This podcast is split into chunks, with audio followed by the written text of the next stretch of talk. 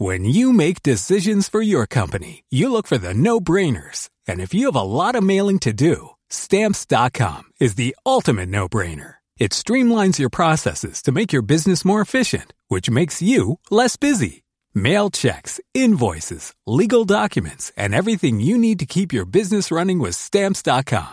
Seamlessly connect with every major marketplace and shopping cart. Schedule package pickups and see your cheapest and fastest shipping options from different carriers with rates up to 89% off USPS and UPS rates. And with the stamps.com mobile app, you can take care of mailing and shipping wherever you are. Make the same no-brainer decision as over 1 million other businesses with stamps.com. Sign up with code program for a 4-week trial plus free postage and a free digital scale. No long-term commitments or contracts. That's stamps.com.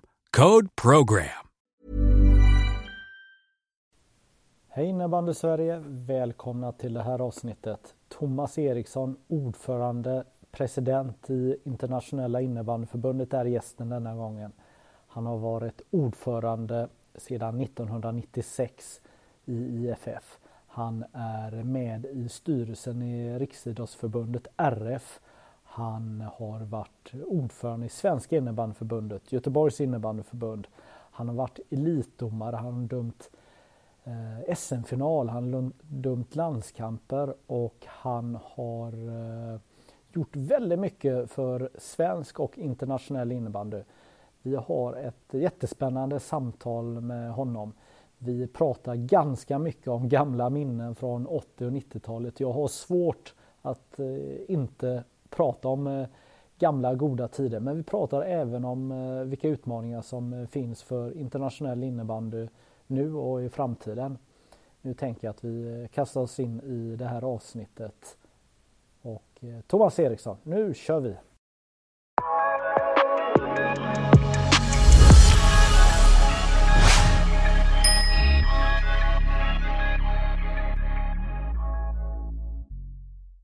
Då hälsar jag Thomas Eriksson välkommen till det här avsnittet. Eh, god morgon, tack så mycket. Ja, var befinner du dig någonstans? Eh, nu sitter jag i Solna. Jag håller på och flyttar eh, så att det är full kaos med att hitta allting men eh, det ska nog lösa sig om några veckor. Mitt, mitt inför v, stundande VM och allting så att tajmingen är kanske inte den absolut bästa. Men flytt, flyttar jag just nu så jag sitter i lägenheten. Ja, jag förstår att det är, mycket, det är många som flyttar. Det är barn som flyttar ut och du flyttar och ja, hur, hur är det? Ja, det blir nog en eh, upplevelse att eh, vid den här åldern så att säga eh, inte bo tillsammans med, med barnen. Sen är ju inte barnen barn längre för sonen är ju 20, 25 och dottern är 21 så att, men, men de är ju ändå, ändå barn till pappa. Ja, härligt. när jag lärde känna dig så var du 27-28 år och Nästa år så fyller herr Eriksson 60.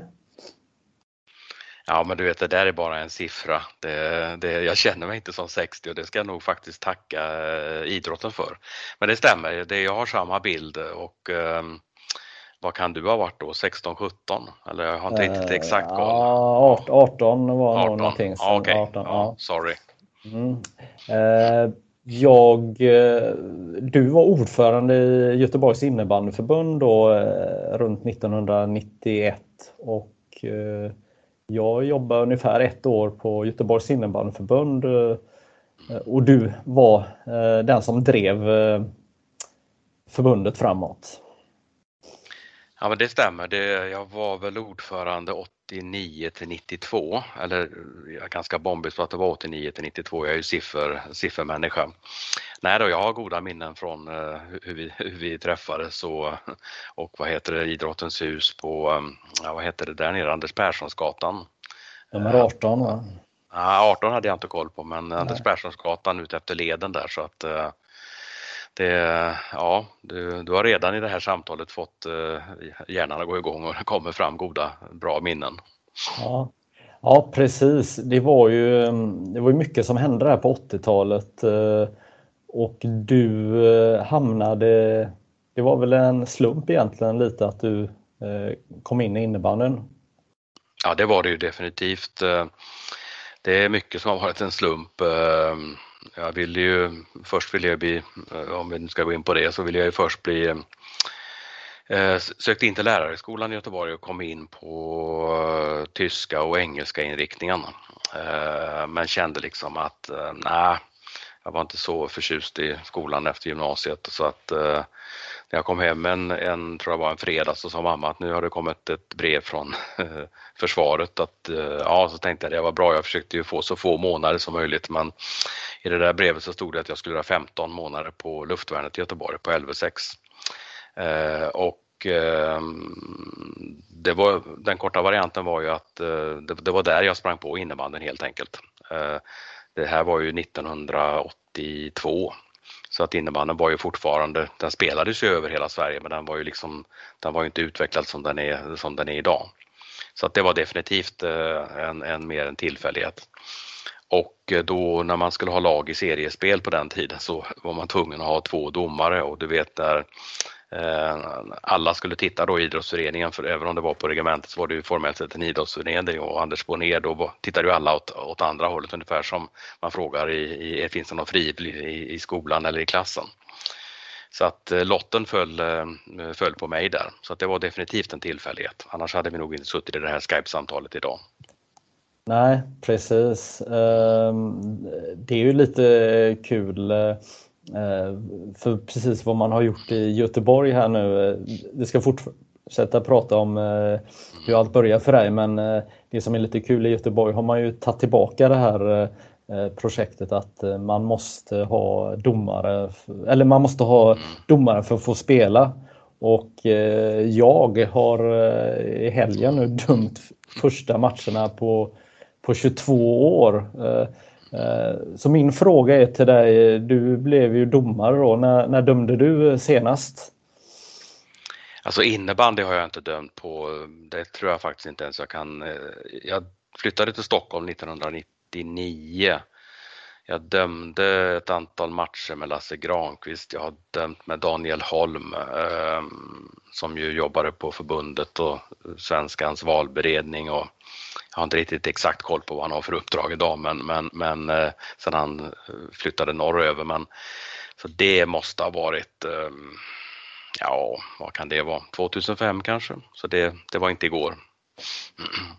Nej, eh, det är ju massa känslor som kommer upp när man tar på sig eh, domarkläderna och tar fram domarpipan. Det är ju mycket minnen och man, man blir lite ödmjuk och sen så tänker man varför gör inte fler det här att man gör mm. comeback och hjälper innebandy för exempelvis i Göteborg har man ju jätteproblem med att hitta domare och man har ju mer och mer hamnat i den eh, fällan att man har fotbollsdomare som kanske inte egentligen har den här mm. kopplingen till, till innebandy.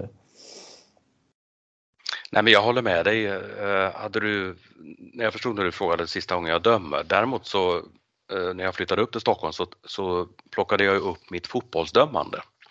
Eh, så att jag har faktiskt dömt då i, i herrar division 7 och damer division 3 till och med förra året. För jag kände att fotbollen är det liksom ingen som vet vem jag är och så, och så där. Och så vill man ju inte heller att även om det antagligen inte händer något i de, de serierna jag skulle ha dömt i på innebandysidan på pojk och flickserier och kanske lägre eh, herrserier så, så är det bättre liksom att man ska inte ha den kopplingen när man, när man har de uppdragen. Det är min uppfattning. Men fotbollen tog jag upp eh, faktiskt, eh, ja typ 2005 också och, och, och körde i, i 17 år. Och eh, Eh, har faktiskt kvar uppdrag där så att jag observerar, eh, är domarobservatör i fotbollen och tittar på division 6 och neråt och yngre tjejer och killar som är på väg uppåt.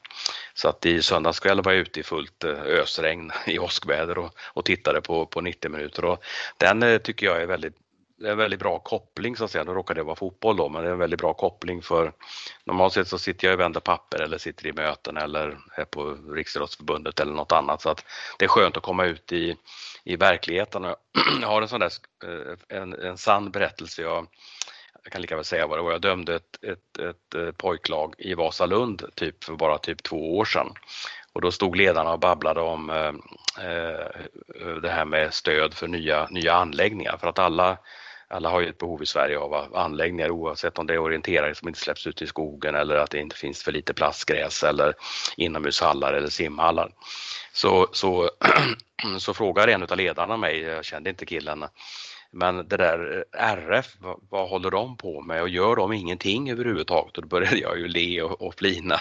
Så jag sa faktiskt att jag sitter i styrelsen för, för, för Riksidrottsförbundet och vi har ju ansvar bland annat för att eh, se till så det blir fler anläggningar. Ja, då har ni ju inte fixat det där på ett bra sätt, sa, sa han och sen hade vi ett bra samtal så att den kopplingen är faktiskt ganska skön att ha. Eh, men jag, har den, jag tittar för lite på på, på, på, på, på innebandy rent generellt i Sverige. Så att det har jag faktiskt som eh, nyårslöfte att jag ska eh, jag har ett tidigt nyårslöfte att nu ska jag bli bättre nu när den här serien har startat. Jag, ska, jag har ju ett gäng lag här i Stockholm som jag faktiskt kan, kan åka till och vara där inom en halvtimme. Så det, det tänker jag göra för jag saknar den kopplingen lite mer. Mm. Eh, vad är den största skillnaden eh,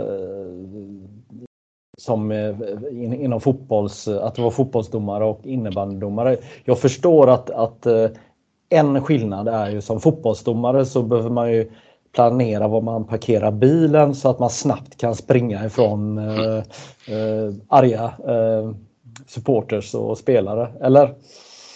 Nej, nej Magnus, jag tycker nog eh, personligen så, så har jag inte haft Eh, Eh, jag, eller också har man positivt förträngt det. Jag, jag har känt, det är klart att man har blivit kallat ett och annat både på innebandyplanen och på, på, på fotbollsplanen men det är ju mer liksom i stridens hetta. Jag tycker liksom att eh, jag har aldrig jag har aldrig under alla mina år känt mig liksom hotad eller, eller på den delen. Jag tycker också att eh, jag tycker också generellt sett att svensk idrott och svensk innebandy och svensk fotboll har varit väldigt, väldigt bra på att, på att jobba med, med, med ja, och att, att, att lära av varandra. Jag vet ju att många lagidrottare, eftersom jag sitter i Riksidrottsförbundets styrelse, de, de har ju infört eh, för ganska många år sedan typ nolltolerans på könsord eller riktade svordomar och det är klart att jag kommer ihåg det som fotbollsdomare då den säsongen för det var 2005, 2005, 2006, 2007 där någonstans. Det blev ju en jäkla massa röda kort de där första säsongerna när man, man kände liksom att det här måste jag verkligen visa ut för det där men redan säsongen två så, så hade ju ledare och spelare kalibrerat det och då blir det ju ett mycket bättre eh, klimat på plan. Så att eh, det är fortfarande på det viset, eh, det är min bild att 999 spelare av 1000 är ju hur bra som helst och det gäller ju ledare också. Och jag tror ju på att det är ju ledarna, det är ju, det är, det är, det är ju ledaren eller ledarna och domaren eller, eller domarna, det är, det är ju vi som sätter det. Kan vi bara kommunicera med varandra då, då fixar det sig även om det kan bli lite infekterat på plan i enskilda situationer. Dessutom är det ju faktiskt så Magnus att spelarna har ju oftast rätt. Oftast har ju spelaren rätt, men det måste ändå finnas någon som så sett bestämmer. Så det är ju mer matchledningen och ledarskapet oavsett om det är innanför sargen eller utanför sargen. Ja, eh, jag kommer inte ihåg alla detaljer, men jag minns en, en match eh, som du och eh, Lasse Granqvist eh, dömde i Göteborg. Eh, dels var ni väldigt, väldigt glada att eh, hänga ihop vet jag här och jag minns inte vad det var för typ av match men jag har nog aldrig upplevt så två taggade domare tillsammans på, på en gång. Vad, hur ofta har ni dömt ihop du och Lasse? Nej men det var som jag sa, det där är ju, det där är ju snarare runt 2000-talet så det där är ju extremt, eh, det var mer på, det var liksom mer på skoj. Jag vet att Stockholms innebandyförbund hade ju de, de satte ju en grupp äh, äldre, äh, ja det var ju gentlemens nästan, jag kommer faktiskt inte ihåg om det var några tjejer då som, som hade så att säga lagt av och vi tog ju inte några matcher för några andra utan det var lite mer de här typen av kanske problemmatcher eller, eller, eller, eller, eller så. Och då, då, jag kommer inte ens ihåg vad grupp, grupperingen kallades men, men eh, vi blev utskickade, det var efter jag hade flyttat till Stockholm. Eh, sen, hade, sen var vi ju eh, då innan jag flyttade till, till Stockholm 99, eh, för vi är ju eh, kompisar sedan bra länge så, så, så sågs vi ju. Ulf Andersson, Peter Hultman och alla andra och då, då hade vi också att vi, att vi dömde när vi träffades. Jag kommer inte ihåg exakt vad bakgrunden var där. Nej, nej ja, det var, ja, ni, ni var så taggade och gjorde perfekta eh, eh, signaler och perfekta riktnings... Eh, ja, vad heter det? Alla domartecknen som fanns. Ja, ni, ni var... domsluten kanske inte var de absolut bästa alltid, men det vet man ju aldrig. Nej, men så kan det vara. Vad, hur kommer det sig att du och Lasse hittade varandra? Ni klickade ganska tidigt, va? Det var ja, tidigt 90-tal. Mm, det var nog till och med 89. Vi har, eh, vi har pratat om det där, jag och Lasse, så många gånger nu så att jag har inte exakt koll på om det var 89 eller 90, men det var på en SDF-konferens. Jag är ganska bombis på att det var i, i, i Uppsala. Ehm, då, hade vi ju, då kallade vi ju SDF-konferenser. Jag tror man fortfarande i svensk innebandy kallar det distriktskonferenser eller, eller ordförandekonferenser. Du vet när man inte har det här årliga årsmötet utan man vill ha ett nytt, uh, nytt uh, en, en ytterligare möjlighet att kunna träffas. Så att det, det, var helt enkelt på en sån konferens som vi, vi sågs. Mm. Ja, äh, men om vi bara snabbt går tillbaka här då. Vad, vad som hände var ju att innebandyn exploderade i hela Sverige och Eh, även i, i Göteborg och man eh, startade upp eh, eh, ja, några av de personerna är involverade i innebandyn fortfarande idag.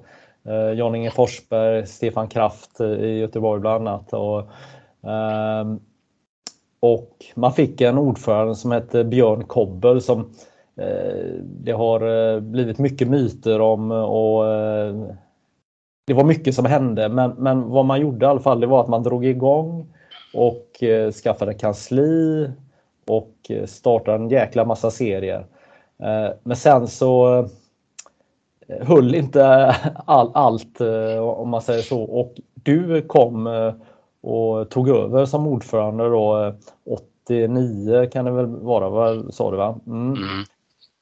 Kan du berätta vad hur var den eh, tiden och eh, varför eh, hamnade du som ordförande i Göteborgs innebandyförbund? Det var nog också eh, eh då hade jag ju kommit in, då hade jag ju så att säga börjat döma. Jag tror att måste ha börjat döma typ ja, 87 i alla fall, men det kan ha varit 86 också.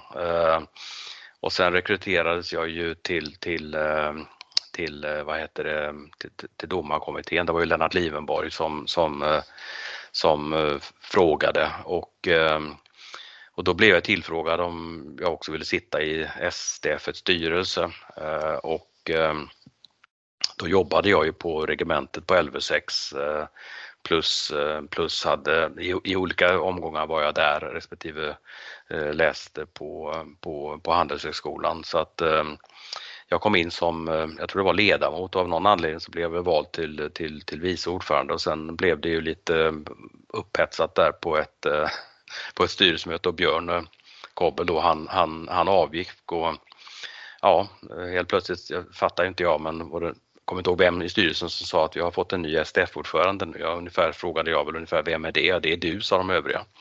Så att det, det var väl lite mer än, eh, eh, och jag kommer ihåg vi satt där på Eklandagatan, en, eh, den lilla den nedre plan eller gatuplan, vad man nu kallar det.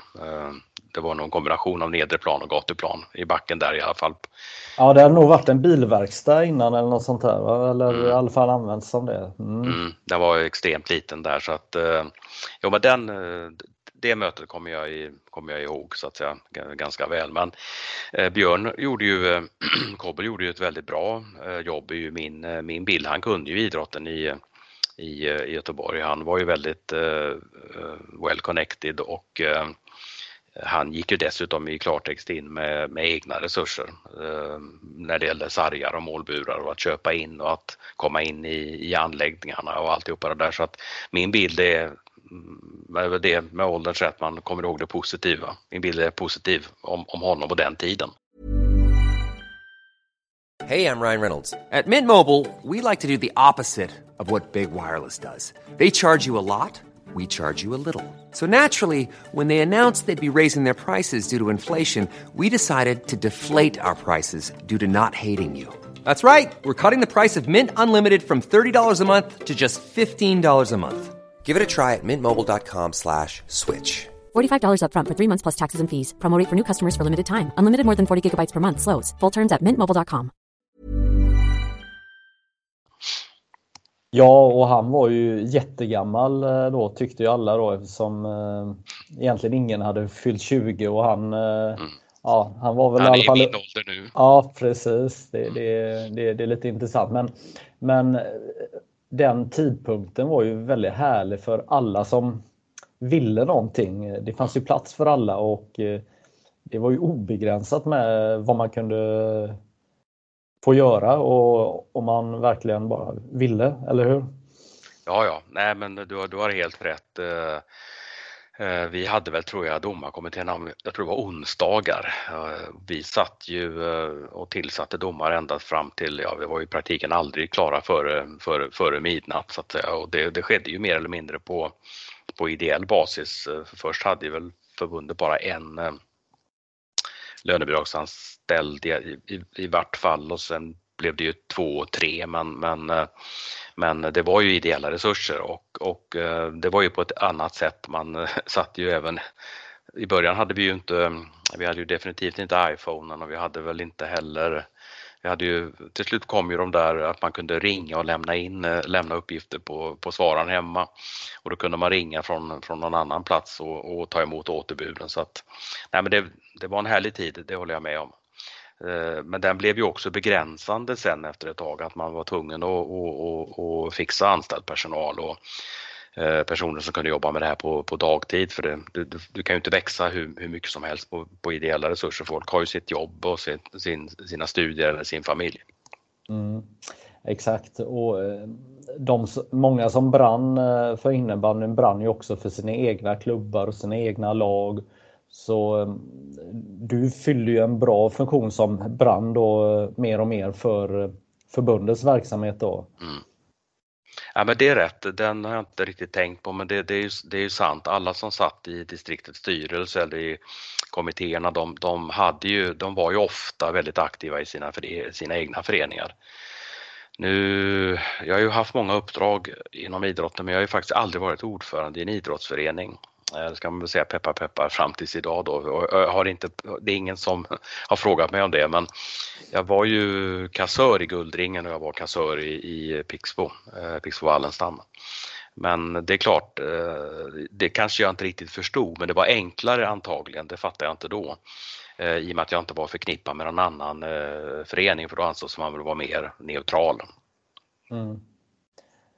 Exakt. Eh, och, och, och, det är ju viktigt eh, för vissa att man är neutral för det är ju ofta det här att det är konflikter om spelare, om anläggningar. Ja, det, det kan ju egentligen vara vad som helst som man tjafsar om. Mm. Och det, den har jag tagit med mig eh, även internationellt och ja, jag kan ju ge tio exempel, men om man bara ska ta något exempel då så jag kommer ihåg, jag var i Hamburg, det är inte så länge sedan, 2017, eh, jag är ganska bombis på att det var, de hade haft eh, eh U19-VM bland annat och det var då rejält med bråk i tyska förbundet. Eh, och jag var nere i Hamburg, eftersom jag pratar tyska så kunde jag ju prata på deras eh, motsvarande medlemsmöte då med, på tyska. Och, jag pratade ju då några minuter om internationell utveckling, vad som är viktigt. Och sen kom jag in liksom så drog jag parallellen att att eh, ni måste sluta bråka. För det var ju nästan fullt inbördeskrig, ska man kanske inte använda den termen. Men, eh, och, och, då var det precis som du säger Magnus, det, då framkom det, nej men ni har ju knyckt en av våra spelare och ni har inte gjort rätt för er och så vidare och, och då tar man med sig det in i motsvarande sin distriktsroll eller, eller, eller Sen klart, Tyskland får man inte heller glömma, det var ju också fram till 1989 ett delat land så att det finns säkert en hel del andra eh, låsningar där. Men, men, men då är det ju bra om man är så att säga neutral för att kommer jag dit då som IFF-president så är jag inte där som, som så att säga tyst. Då kan jag också eh, vara lite mer neutral i den medlingsrollen och jag kan dessutom dra paralleller till att för då var det några som frågade, har ni inte haft bråk i Sverige? Då skrattade jag, det är klart man har, det är bråk i alla eh, men det behöver inte vara något negativt ord utan eh, det är ju det är att man har olika uppfattningar både i föreningen och i laget om uttagning. Men men eh, då, då är det ju bra om man är, är lite neutral och har haft den erfarenheten. Mm. Eh, eftersom du har så många år i branschen här så skulle vi kunna egentligen fastna på två, tre år och prata, ja egentligen ha ett helt avsnitt om eh, vad som händer under, under vissa perioder här. Men de flesta vet ju om att du är ordförande i internationella innebandyförbundet. Men eh, eh, eh, jag tänker att kan du berätta, din domarkarriär gick ju bra. Berätta om två höjdpunkter i din domarkarriär som innebandydomare då. Ja, det är klart att då är det när jag och Stig Hedström får döma 1990 den första faktiskt officiella SM-finalen på herrsidan mellan, eh, mellan eh, GIK och eh, Lockerud, eh, Jönköping och Lockerud. Och eh, nu kommer jag inte ihåg vad det, vad det stod, jag tror det stod 4-4 och sen blev det förlängning eh, sudden death. Och eh, då gör ju Keyyo Pollari mål i förlängningen. Men eh, det är ingen utav domarna som ser att bollen är inne och om du hade tittat på video, videosekvenserna eh, så kommer det ingen målsignal. Och Stig Hedström säger till mig att eh, men vi kan inte godkänna det här målet för jag har, Stig säger jag har inte sett att bollen är inne. Då sa jag, men titta på bröderna Bernhardsson och alla andra, de sitter ju ner. Bolljäveln har varit inne så nu går vi till sekretariatet. Ja, men vem var det som gjorde mål? Ja, det kommer nog lösa sig också. Den är faktiskt sann. Det var liksom, för det gjordes mål. Då var det ju, av, då var det ju avslag på den tiden. Eh, men ingen av domarna i den matchen såg att bollen var inne. Och det fanns ju inte några hjälpmedel eller någon tv-kontroll eller eh, mål, målvaror. Så den, eh, den, den, är en härlig, ett, ett härligt minne. Ja. Ett, an, ett, annat härligt minne, om jag ska ta det, det, det var Finland, eh, Schweiz eh, landskamp i, i, eh, i Schweiz eh, och jag och Kalle Seiler eh, dömde. Och du vet ju att eh, jag kunde ju se ganska bister och arg och sträng ut och, och då, då, då, då helt plötsligt så, så då sitter det en, en, en spelare, en, en, en schweizare på utvisningsbänken Eh, och jag har inte sett att Kalle Seiler har, har eh, vad heter det, visat ut någon. Eh, så jag, jag, jag springer över till Kalle, vad, vad har du kört, kört ut spelaren för? Nej, jag har inte visat ut den, jag inte jag heller. Då frågade ju Kalle då, för jag, jag pratar ju också tyska. Nej, då hade de uppfattat att jag hade liksom fräst av för de hade väl haft någon kommentar på vem som skulle ha bollen på, på, på, på inslaget där då så att de hade trott att, att, att vi hade visat ut spelaren så det var ju bara att ta in honom igen. Han var ju aldrig utvisad. Så att, eh, men det var ju, det är ju liksom många, många eh, tusen år sedan och då de delarna i, i eh, du sa, jag, du sa två men jag ska faktiskt ge dig en, en till. Den näst, nästan härligaste eh, minnet det var ju, det var ju eh, i Mölndals idrottshus. Eh, det tror jag också var 90 då hade vi, var vi ju inte överens mellan Sverige, Finland och, och Schweiz om reglerna. Och då hade man ju i Schweiz eh, hög klubba, alltså så fort du hade klubban över knät så lyckades man få det till att det var liksom hög, hög klubba. Eh, och det gjorde ju att eh, hade du, stod du med klubban över knät i eget straffområde så kunde domarna döma eh, straffslag eh, även om inte spelet var där mer eller mindre eller bollen var på väg in. Så Eh, så att den matchen var ju en härlig match och det som faktiskt var då, det var ju att andra Citron sa, för det var jag och Pontus Berger som skulle döma den matchen. Eh, men då vägrade ju schweizarna spela. Utan eh, de hävdade att det skulle vara en svensk domare och en schweizisk domare. Och jag och Pontus tittade på varandra och jag kommer inte exakt ihåg om vi lottade eller om vi, vi att det kom fram för det. Andra sidan kom ner till oss typ kanske bara någon timma före match bestämdes ju det här så att den matchen fick jag döma med en en kille från Schweiz, eh, Gregor Scheidegger, en, en tandläkare från, från Schweiz. Och det, det var också ett, eh, ett minne därför att eh, den schweiziske domaren han underkände ju eh, vad heter det, Karolinen och Polaris och alla andras eh, mål. Men eh, när, när jag Eh, och de underkändes då för, för, för hög klubba. Jag kommer inte ihåg om det var på framsvingen eller ovanför eh, knät men eh, då, då, bestämde jag mig för att när fjärde bollen eh, ligger i mål då tänker jag springa till sekretariatet och, och tala om vem som, att, det, att det är mål. Ja självklart om det är ett korrekt mål så att det var också en härlig match eh, på, på lite olika sätt. Ja, eh, så fort du eh, trampar ner i, i forntiden här så, så, så ler man ju och, och tänker tillbaka. Det var ju ganska, måste varit väldigt häftig känsla att få döma den här eh, första finalerna. Det var ju en bäst av tre matcher var det väl då, 89-90. Men innebandyn hade ju laddat för den här första SM-seriesäsongen då. Man, man kallade det inför så kallade man det för riksserie men när väl säsongen drog igång så, så, så hette ju det SM-serien och eh, man flyttade ju fram eh, den här starten ett år och det var ju många som tyckte att det var lite jobbigt men med facit i hand så var det nog bra att man väntade ett år. Man fick nya målburar, de som fortfarande finns idag. Och eh, innebandyn fick mogna till ytterligare. Eh, så, för det var ju väldigt vanligt också att man hade många roller, att man spelade och var domare. Och de här första åren så var det ju faktiskt eh, föreningsledare som kunde döma andra matcher i, i högsta serien. Och så. Mm. Mm. Och det som också jag reflekterar över det är ju också den här utvecklingen eh, som har varit med, med regeltolkningar för att just det som du beskriver så var det ju det här med de olika reglerna som behövde trimmas samman på något sätt, eller? Nej men det, det, det var ju aldrig så att säga, jag tycker så här, man ska säga det var ju aldrig bättre förr. Och ska man titta bakåt så ska man ju egentligen bara titta bakåt och kanske njuta av de minnena man hade och, och, och sen så ska man lära av det man så att säga behöver, behöver utveckla. Och tittar du på, på matchledarskapet idag eh, inom innebandy så, så, så är ju det det är ju, ehm, jag tror till och med att vi kallar det fortfarande mer eller mindre matchledare och inte att man är domare utan det är ju att man ska leda matcherna och idag finns det ju egentligen inte, om jag tittar ur min internationella roll, så, så, så, finns det ju, det finns inte att man har olika uppfattningar kring reglerna. Däremot så är det ju som, eh, vad heter det, physical play, där är man ju kanske oenig då och tycker att vi i Sverige Eh, tillåter alldeles för tufft spel. Men, men, reglerna som sådana är vi ju helt överens om, utan det är mer tolkningen i så fall.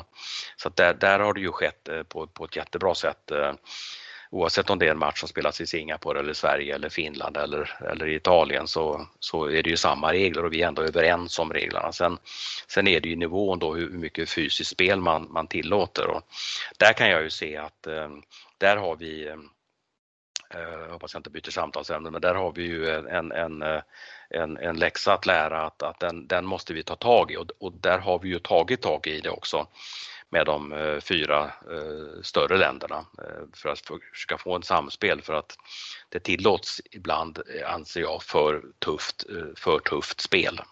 Mm. Ja, på VM-finaler är det nästan fängelseregler håller på att säga. Det, är ju, mm. Det ska spelas på, på gott och ont. Mm. Eh, jag tänker att vi behöver komma framåt här mm. i, i, i storyn om dig här. Det finns så mycket att berätta men eh, ja, vi, vi måste i alla fall landa i en sak till här.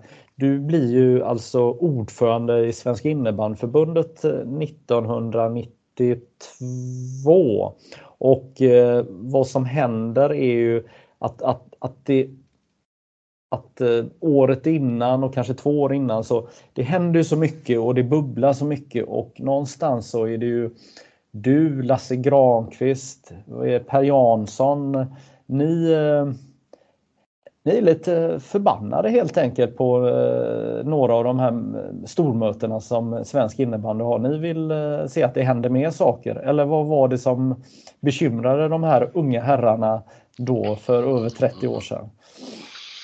Eh, nej men det, det, du har ju helt rätt. Eh, det var ju Örebro, Stockholm, Göteborg och eh, även Småland då. Det var fler distrikt men, men de, vi fyra får man nog säga var, var drivande.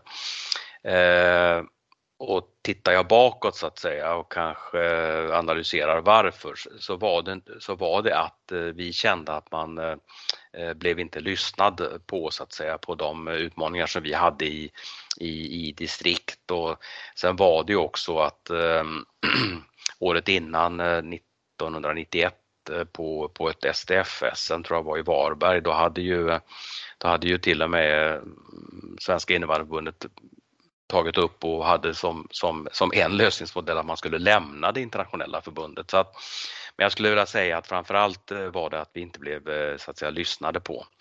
Eh, och då växte det fram och jag satte inte, satt inte fram mina skor så att säga och sa att jag ville bli ordförande utan jag blev ju tillfrågad och jag kände nog en ganska stor tveksamhet för det då för att den, den delen i, i, i, i så att säga i i, i mitt liv. För när jag blev vald oktober eh, 92 då var jag ju, ja då var jag ju 28. Jag skulle faktiskt fylla 29 några månader senare för jag fyllde i slutet på året så att eh, jag, jag, jag, blev ju en av Sveriges absolut yngsta specialidrottsordföranden men det var nog tur att jag inte fattade vad jag gav mig in på för att eh, då hade vi ju i Stockholm eh, i Väsby, ett Upplands Väsby, ett kansli på, jag tror det var typ kanske fyra pers. Eh, så att, eh, men det var liksom eh, det, det, var, det var härliga känslor kring det också men, men svaret är att nej men vi blev inte lyssnade på och vi kände nog också att man var på väg så att säga åt fel håll, inte minst på de internationella frågorna.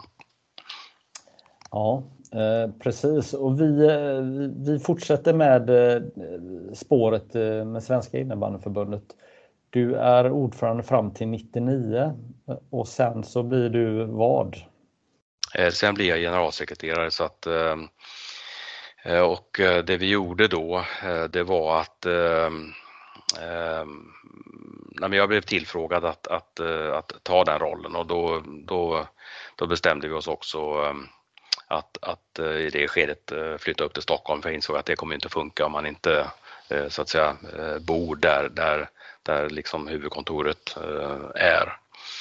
Så att ja, det, det, det var mer liksom att den, den möjligheten kom, kom upp på, på bordet. Det var också kanske inte lika, lika mycket tillfälligheter för då var jag ju liksom, då var jag inne i systemet och hade varit ordförande i, vad blir det, sju år.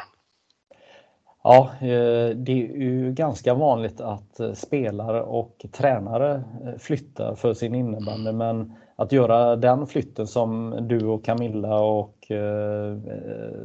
som, som ni gör, det är ju också en satsning på att man vill mm. göra det här på, på riktigt. Ja, vi visste ju inte riktigt då heller därför att då hade ju, då hade ju våran son fötts och var ju knappt um, två år då. Eh, så att, men då kände vi också det att eh, då har man ju möjligheten att innan man börjar skolan och kanske sexårsverksamheten så kan man ändå testa av det under, under tre, fyra år så får man se om det liksom, liksom funkar. Eh, ja, det, det, det fungerade och, så att eh, på den vägen blev det. Ja, precis. Och eh, om, om vi skulle du kunna berätta vad har du för uppdrag idag? Du, du sitter ju på på många stolar håller på att säga, men eh, du har många eh, uppdrag. Kan du berätta så att vi förstår eh, vad du gör på dagarna? Nej men alltså i innebandy så är det ju enkelt. Då, då är jag ordförande i, eller president i internationella eh, innebandyförbundet och jag valdes ju första gången 1996 så att eh, eh, det, det, är ju mina, det, det, är ju mitt, det är ju mitt innebandyuppdrag idag. Eh, och jag menar, det är bara att konstatera att eh, sen jag valdes 1996 till idag så, så är ju inte den innebanden, den har utvecklats rejält. Sen har jag också eh, har jag också glädjen och förmånen att vara sedan 2015 ledamot i Riksidrottsförbundets, eh, Riksidrottsförbundets styrelse och SISU eh, idrottsutbildarnas eh, styrelse. Och i och med att jag då Eh, är ledamot i Riksidrottsstyrelsen så har jag också fått förmånen att vara eh, ledamot idrottslig sakkunnig i kampsportsdelegationen. I Sverige och ett fåtal länder i världen så eh, exempelvis boxning, proffsboxning, muay thai-boxning och alla idrotter som tillåter i sina regelverk att våld mot huvudet, eh, då får inte det specialidrottsförbundet fatta de besluten utan då då ska kampsportsdelegationen eh, fatta det beslutet och i den delegationen så sitter det två läkare, två jurister och två från idrotten. Och vi har möte ja, i praktiken varje månad. Eh, och sen har jag också uppdrag för internationella danssportförbundet. Där sitter jag som ledamot i deras eh, etiska kommitté. Så det tror jag är mina idrottsuppdrag idag. Eller ja, det är mina idrottsuppdrag. Ja, de, de två sista är lite överraskande. Eller? Mm. Alltså Danssportförbundet, eh, det är helt enkelt, eh, det har jag, det har jag fått eftersom jag, eftersom jag ju sitter som president i ett internationellt eh, idrottsförbund så, så träffar man ju en mängd andra olika idrotter och då säger de etiska reglerna, det är samma i innebandyförbundet, alltså i IFF, att eh, den etiska kommittén ska vara på armlängds eh, avstånd och måste bestå av sådana som egentligen eh, som de, de, de kan kunna dans eller men de får inte ha en koppling till Danssportförbundet. Och det är likadant i IFFs eh, Ethics Commission. Eh, där är det ju ledam ledamöter som inte är kopplade till, till, eh, till, till innebandyn. Så att det, var, det var mer att jag kände presidenten i, i, i faktiskt i det här fallet en dansk som är fortfarande president för internationella badmintonförbundet, Paul-Erik Höjer och den vägen blev jag tillfrågad om, om, om dans. Och jag fick samma känsla som du hade att jag, jag eh, mycket kan jag men dans kan jag inte. Men jag har ju också lärt känna Svenska Danssportförbundet i, i min roll i, RF då. Mm. Jag tänker att eh, vad mycket du eh, lär dig eh, när du är eh, på andra arenor om man nu eh, tänker eh, RF då. Och eh, det måste komma upp en otroligt många, många frågor som man också kan ta in i innebandyn och att du får en ännu mer bredare bild över hur innebandyn ska ta sig framåt, eller? Nej, men du har en bra poäng där Magnus, att eh, jag tror att eh, mitt råd är att eh, eh Ska man ha så att säga innebandyuppdrag, det är lätt att säga då, men det, eh, det gäller att man inte, eh, det gäller att man ser, ser utanför sargen både inom innebandyfamiljen men, men eh, också att man eh, är öppen för eh, input från andra idrotter för vi kan lära om, alltså det är ju glädjen till idrotten som gör att man håller på med de här uppdragen.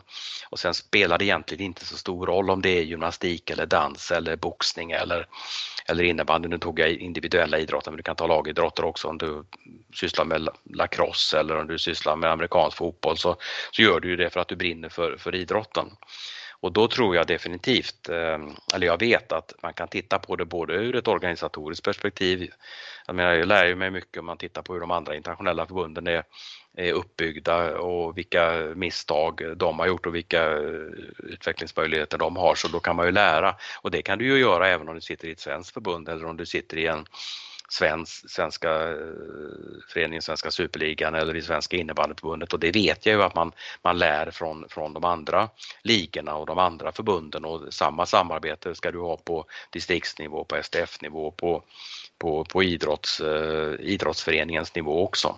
Min högst personliga uppfattning är att jag tror att det man vill ju oftast hålla på med innebandy självklart, det vill ju jag och du också. Då vill man ha, eh, organisera sig i en, en innebandyförening men Eh, det finns också en hel del fördelar faktiskt med att man har flera grenar i en, i, i en förening. Jag tror att samverkan om du har exempelvis en handbollsförening, en, en innebandyförening och en fotbollsförening, kanske inte det var det bästa exemplet, men i samma förening så får du förståelse för och det funkar bättre för, för den enskilde tjejen eller killen som utövar. Det behöver inte sättas på kläm med att det är seriespel pågår parallellt och så vidare. Så att du, du, kan lära, du kan, du kan lära av de andra idrotterna och du ska vara nyfiken på det lärandet också. Eh, det, det är mitt råd.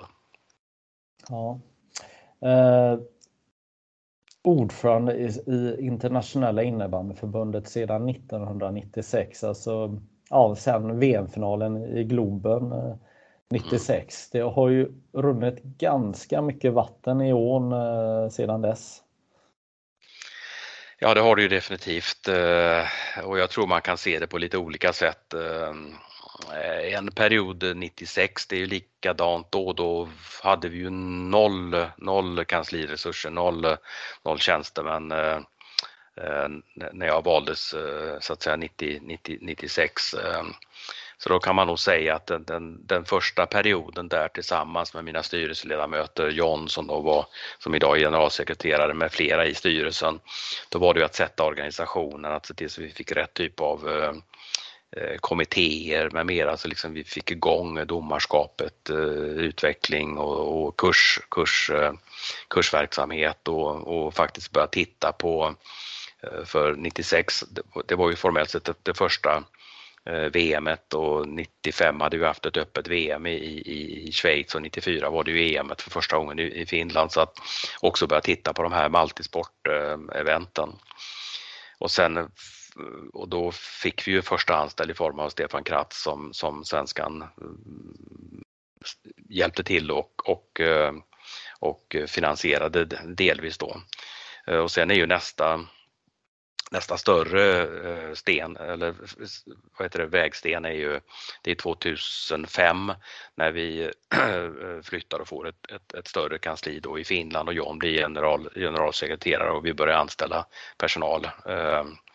Så att eh, det, det är nästa fas i den, i den delen och då det är där jag ser att eh, jag har ju inte haft, eh, även om, även om jag är för president så har det varit väldigt olika, upp, väldigt olika tidsperioder. Det har varit 96 var det på samma sätt som det var liksom 89 i Göteborgs innebandyförbund och så vidare. Och, Eh, så det har varit olika faser och då har man kunnat känna glädje för att utveckla de olika faserna. För det, det tror jag är uppdraget.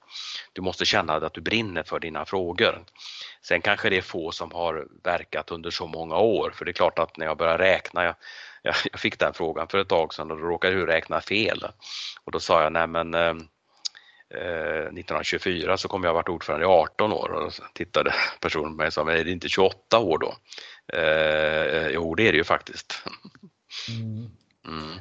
Ja, nej, det är, det är helt uh, galet egentligen uh, vad tiden går.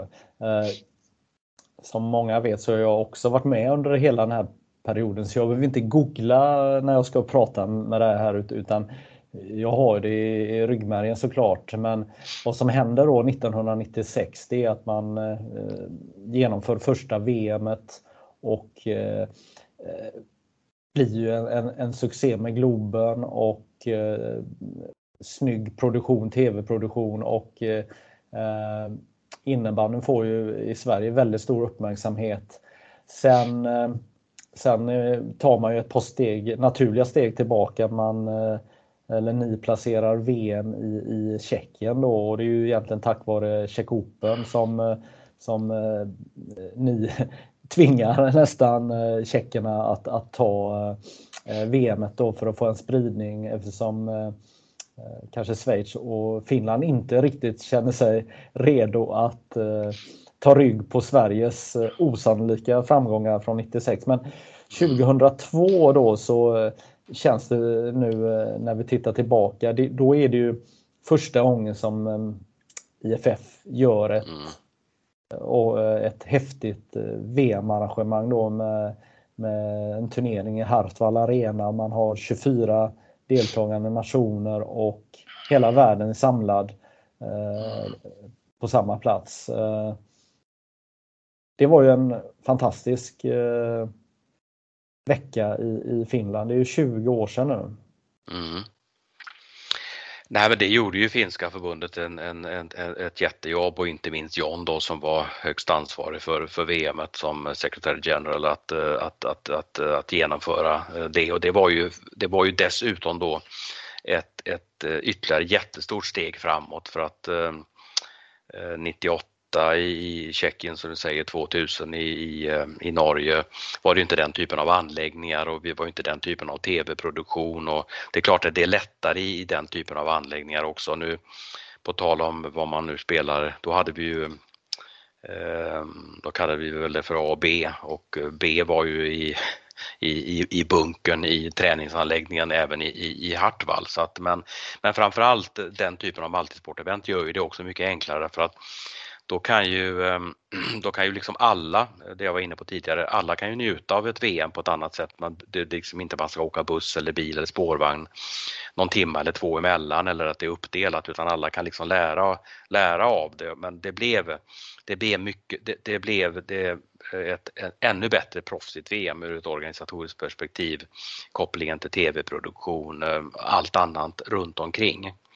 Eh, för, för ska vi vara ärliga, 96 i Globen så, så hade vi nog inte riktigt, eh, vi förstod nog inte egentligen vilken succé det var. Vi klarade liksom inte riktigt av att ta hand om det heller och, och det är ju ingen kritik utan det är bara krasst konstaterande att så, så var det då. Därför att eh, det var ju helt fantastiskt att vi hade 15 100, jag lär mig aldrig om det var 107 eller 108 men 106.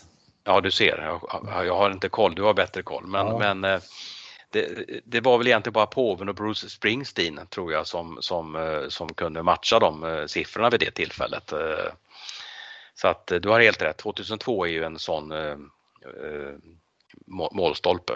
Ja, och sen den om man säger framgången, för det var även en framgång för finsk innebandy med många tv-sända matcher det, det, ledde ju fram till lite senare som du säger då 2005 att eh, finska staten eh, EU har ju varit med på eh, IFFs uppbyggnad av kontoret och mm. tagit ett ansvar, ekonomiskt ansvar, eller hur? Eh, så är det, alltså det är ju, det är ju eh, IFFs kongress General Meeting som bestämmer var vi ska ha vårt legala säte och det har vi ju i Schweiz. Eh, men sen, sen, är det ju så att säga, sen är det ju IFF-styrelsen som, som bestämmer om generalsekreterare och eh, IFF-styrelsen som bestämmer om var, var headquarters eh, ska vara. Och där har vi ju finsk, finsk innebandy mycket, mycket att tacka och de har ju till skillnad från ja, oss i Sverige och jag kan inte i detalj alla länder, men en, en, del länder gör ju som Finland gjorde. Vid det tillfället så var det ju inte bara, då hade man ju internationella orienteringsförbundet eh, där eh, också, så de hade en helt annan eh, strategi och har en helt annan Eh, Eh, strategi med, med att eh, se, se möjligheter att kunna ha eh, internationella förbund på plats via sitt utbildningsministerium. Så det gjorde ju och gör än idag att vi får både ett ekonomiskt stöd och att vi kan så att säga kan lägga resurserna på att, på att utveckla. Mm. Och eh Internationella innebandyförbundet har haft olika strategier och en strategi var ju att man skulle nå 75 medlemsnationer för en 15 år sedan eller någonting runt. Det är så svårt med åren här. Om man tycker att allt är 10 år sedan men så brukar det inte vara 10 år. Utan det, men men det, det är x antal år sedan där ni hade en strategi att ni skulle nå ett mm. extremt högt eh, antal medlemsnationer. Det var kopplat till, då får man se det i den tidens anda därför att det, vad det var kopplat till var ju att då var antalet länder och är ju fortfarande för att få så kallad IOC recognition. Alltså innebanden, vi kom ju in år 2000 så kom vi ju in i det som då kallades, ja, nu kallas det för GAIS igen då, eh, idag kallas för Global Association of International Sports Federation. Det var ju, det var ju då vi så att säga egentligen kom in och blev eh, ordentligt eh, internationellt som, alltså IFF som förbund och idrott blev eh, erkända. Eh, och sen jobbade vi ju med och fick 2008 så fick vi provisional IOC recognition. Och då var ju antalet länder, nu har det utvecklats att länder är fortfarande viktigt men men eh, det, det, är ju att du har länder på alla olika kontinenter. Så att man ska se det målet ska man ju se i, i den tidens eh, anda.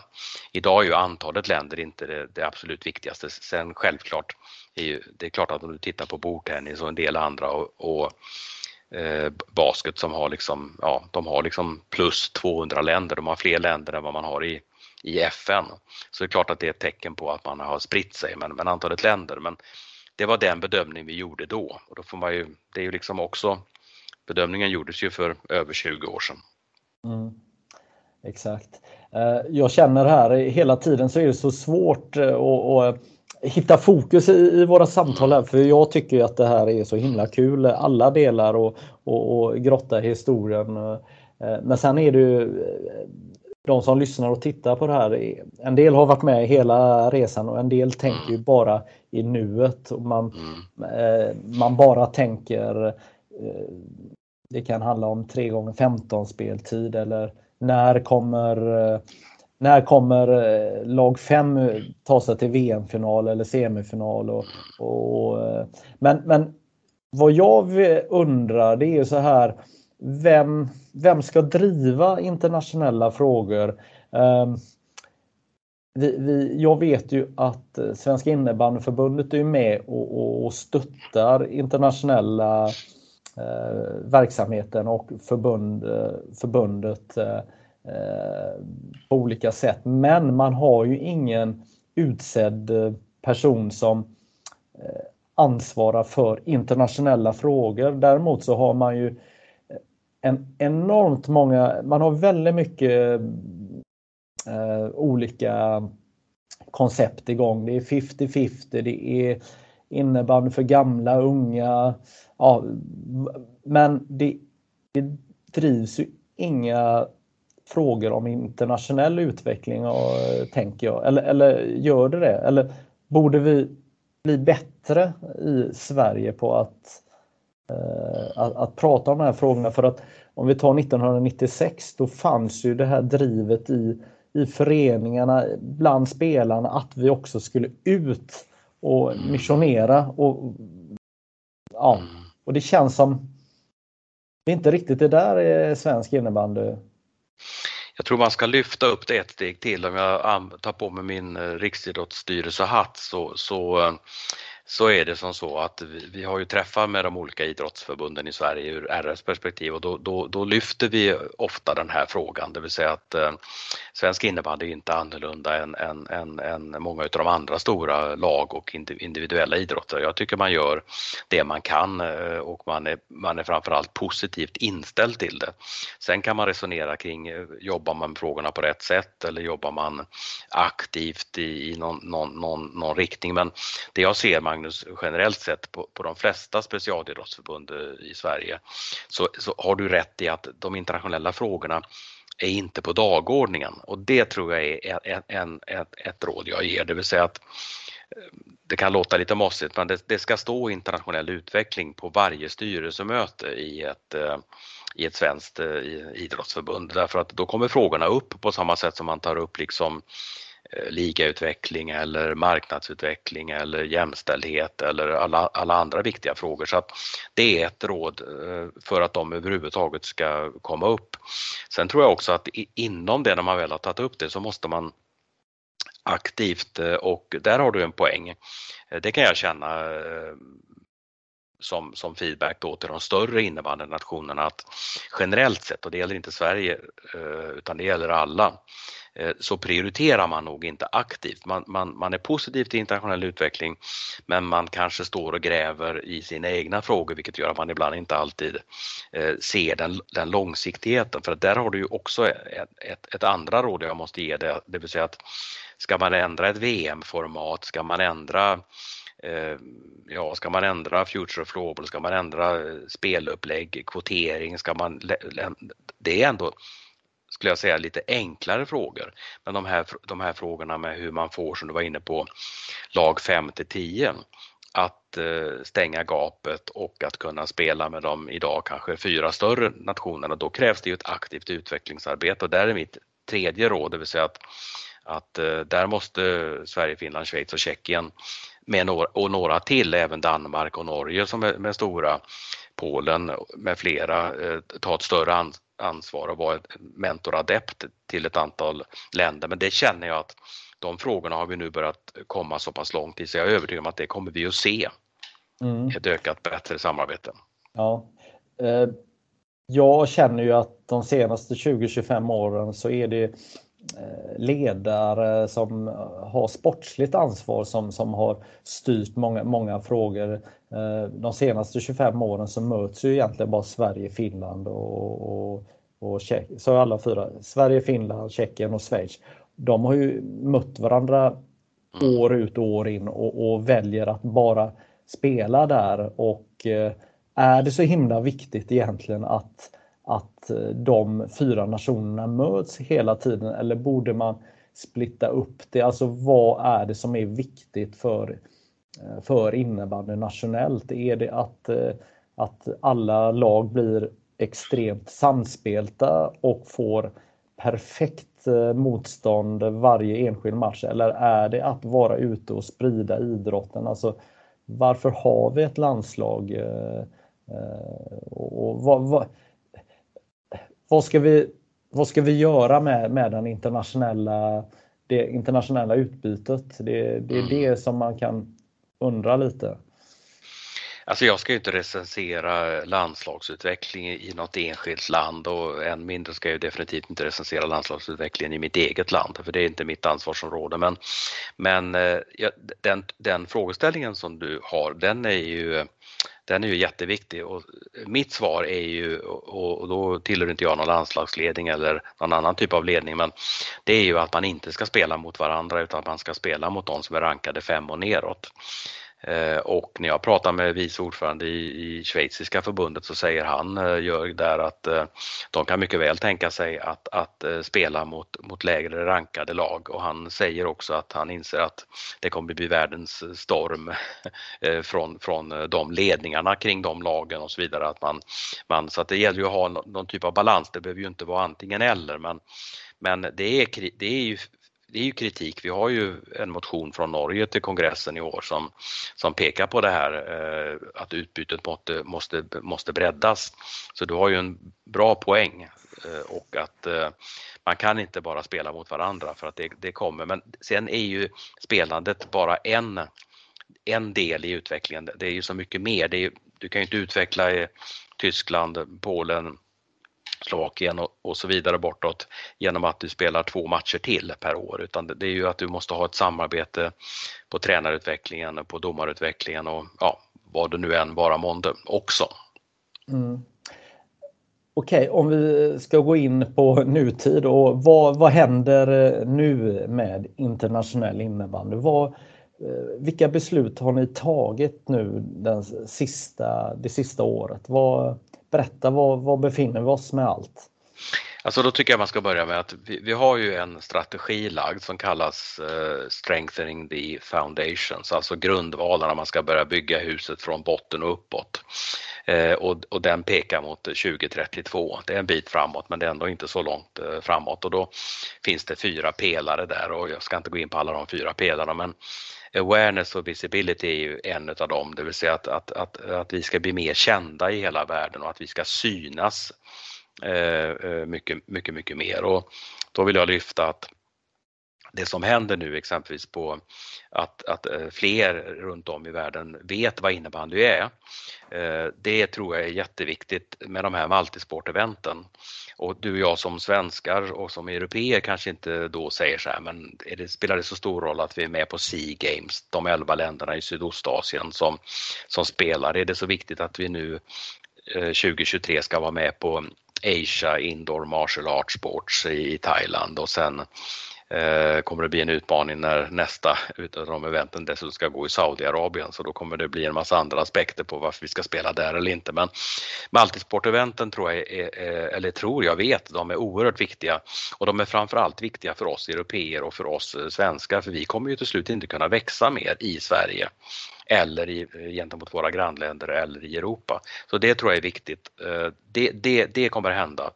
Det är också spännande att vi från 20, ska vi se, 2025 ska då börja med, med Eurofloorball för första gången med åtta, åtta länder och så får vi se så att Europa, för Europa har ju varit ganska dåliga på att ha de här eh, multisporteventen. Så att multisportevent är viktigt och där händer det mycket. En annan del som jag också kan lyfta det är ju att jag känner också det att intresset för att nu då vi ska ta fram en egen OTT-plattform och kunna sprida eh, innebandyn och den börjar ju så smått nu med den plattformen i, i, i eh, i Schweiz nu på herr-VM och att framförallt att det är avsevärt mycket fler länder som vill sända från de här multisporteventen. Där är det två. Det finns massa, massa fler saker som, som, som är viktiga. Och nu sa jag två, om jag ska säga en, en sak till.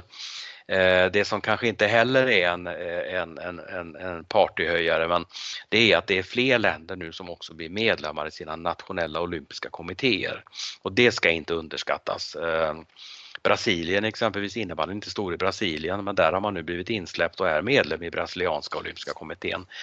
De här tre sakerna, alltså multisportevent, event, att vi syns på TV, streamas, har en egen ny plattform och att man jobbar med idrottspolitiken och att man kommer in i finrummen. D där händer det mycket. Mm. Men sen för den enskilde utövaren och spelaren i den svenska innebandyklubben eller den finska innebandyklubben, det, de ser ju inte det i ett första skede. Nej, eh, du eh, drog många eh, saker på en gång här men mm. EM 2025 det är en landslagsturnering för seniorer. Mm, vi börjar med, med herrar, åtta mm. lag och vi ska ju planera för när, om och när det skulle funka så kan man utöka det till 12 och sen ska det ju vara som så att det blir ju som handboll och, och fotboll och så vidare. Eller handboll är tror jag är bästa exemplet, att det året du har VM för herrar, då har du EM för damer och tvärtom. Mm. Ja. Eh, och tittar vi framåt i kalendern då så har vi 2024, då har vi VM i, eh, i Sverige då.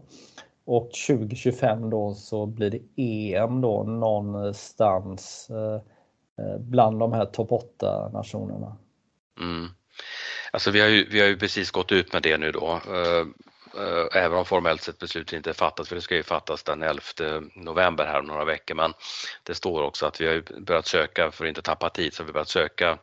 Så att jag, jag känner Magnus att det, det, kommer, det, det, kommer nog inte vara något eh, problem att hitta organisatörer för, för då EM från 20, 2025.